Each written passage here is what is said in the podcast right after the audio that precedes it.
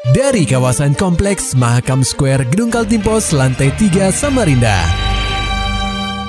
96,8 KPFM. Kita akan ikuti program KP Flash News.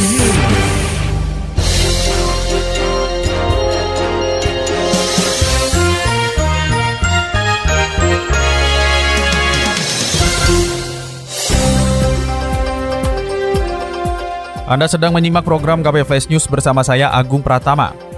Pendengar KP, realisasi investasi Kaltim pada tahun 2022 baik dari sisi penanaman modal dalam negeri atau PMDN serta penanaman modal asing atau PMA menyentuh angka 57,76 triliun rupiah. Kepala Dinas Penanaman Modal dan Pelayanan Terpadu Satu Pintu atau DPMPTSP Kaltim Pugu Harjanto mengatakan, realisasi investasi tersebut terdiri atas PMDN sebesar 39,59 triliun rupiah atau 68,54 persen dari total realisasi, serta PMA sebesar 18,17 triliun rupiah atau 31,46 persen dari total realisasi investasi.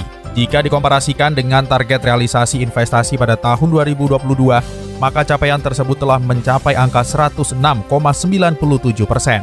Ini merupakan capaian tertinggi dari beberapa tahun belakangan serta melampaui target nasional di angka 54 triliun rupiah. Perihal realisasi investasi pada sektor non-migas non-batu bara, Pugu mengatakan pihaknya juga berhasil melampaui target yang dicanangkan Pemprov Kaltim di angka 35 triliun rupiah. Realisasi investasi di sektor non-migas non-batu bara sendiri pada tahun 2022 mencapai 35,4 triliun rupiah. Hukum menerangkan jika diurut secara nasional, realisasi investasi PMDN di Kaltim berhasil masuk dalam peringkat 5 besar. Sementara untuk PMA masuk dalam 10 besar realisasi investasi se-Indonesia. Selanjutnya posisi Kalimantan Timur eh, sampai dengan eh, akhir tahun 2022 ya, kita di PMDN masuk pada peringkat 5 nasional ini Alhamdulillah posisinya sudah kita capai sejak tahun 2021 dan untuk PMK sendiri Alhamdulillah kita tidak berhasil mencapai target kami di 10 besar nasional jadi 10 besar ini baru kita bisa capai di tahun 2022 tentu uh, ini menjadi hal yang uh, penting bagi kita bersama uh, bahwa salah satu poin yang tadi kita diskusikan di awal dan tugas uh, pencapaian target ini juga menjadi atau mendapat dukungan dari seluruh PDKM salah satunya adalah dari yang nanti sekarang kita dengarkan dari Dirhat masih atas supportnya untuk mencapai investasi kita Melihat realisasi investasi di Kaltim yang mampu melampaui target, Ugu melihat bahwa ada beberapa hal positif yang masih bisa dikembangkan untuk mendorong realisasi investasi di benua etam bisa lebih tinggi, mengingat mega proyek IKN sudah mulai dikerjakan, dan hal itu tentunya akan mengundang investor, baik lokal maupun internasional, untuk datang berinvestasi di Kaltim.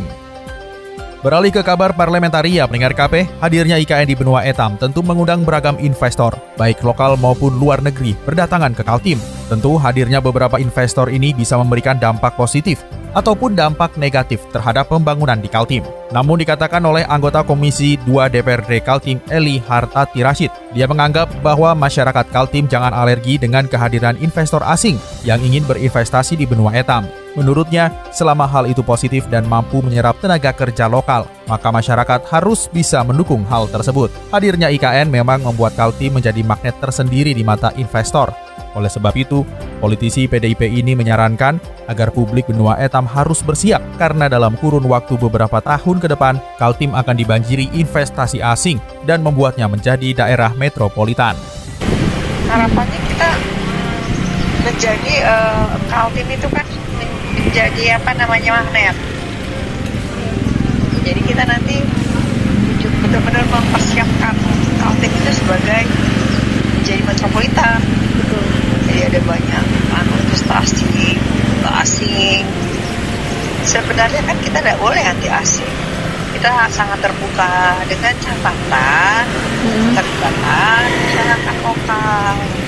Kemudian berdampak positif pada pembangunan, hmm. pada penghasilan dari sisi pendapatan menaik, itu yang kita harapkan. Secara umum, legislator Dapil Kukar ini mengharapkan masyarakat dapat menyambut baik hadirnya investasi di benua etam. Lantaran kehadiran para investor ini mampu membuat perekonomian Kaltim meningkat, termasuk dalam sisi pendapatan asli daerah atau PAD. Dengar KB, pertama di Kaltim, BKKBN dan DPPKB Samarinda fasilitasi pembentukan pesat di Kelurahan Sindang Sari. Laporan selengkapnya akan disampaikan reporter KPFM Samarinda, Muhammad Nur Fajar. BKKBN Kaltim bersama dengan Dinas Pengendalian Penduduk dan Keluarga Berencana atau DPPKB Samarinda memfasilitasi pembentukan pojok edukasi kependudukan untuk masyarakat atau pesat di Kampung KB Gema Kencana, Kelurahan Sindang Sari, Kecamatan Sambutan pada Jumat 17 Februari 2023. Pembentukan pesat di Kelurahan Sindang Sari ini menjadi yang pertama dilakukan di wilayah Kaltim. Menurut Kepala DPPKB Samarinda, I Gusti Ayu Sulistiani, kegiatan ini bertujuan untuk mengenalkan pendidikan mengenai kependudukan agar bisa menyentuh ke masyarakat, utamanya kepada anak-anak. Uh, pesat ini tujuannya adalah bagaimana program-program uh, pendidikan-pendidikan ter ter terkait dengan kependudukan itu bisa sampai menyentuh ke masyarakat ya ke lini masyarakat. Ya salah satunya juga hari ini juga kegiatan kita adalah uh, mem, apa namanya uh, makanya kita menghadirkan Bunda Literasi.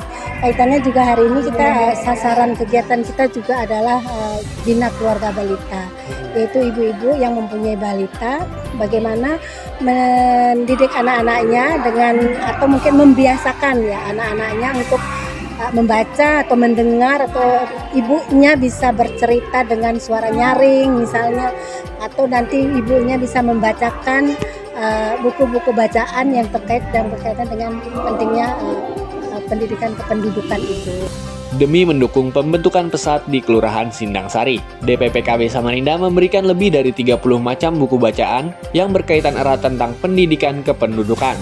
Dikonfirmasi terpisah, Ketua TPPKK Kota Samarinda, Rinda Wahyuni, mendukung penuh fasilitasi pembentukan pesat di Kelurahan Sindang Sari. Menurutnya, program ini sangat membantu masyarakat dalam mendidik anak-anak supaya gemar membaca sejak dini. Ia berharap agar program pesat ini bisa benar-benar terlaksana, serta 59 kampung KB lainnya di kota tepian bisa memiliki wadah pojok membaca di lingkungannya. Saya sangat senang sekali dengan ada, ada program si pesat ini ya. Ada salah satu adalah terobosan dari BKKBN ya, juga uh, dari KB Kota Samarinda yang namanya pojok membaca itu memang harus ada ya.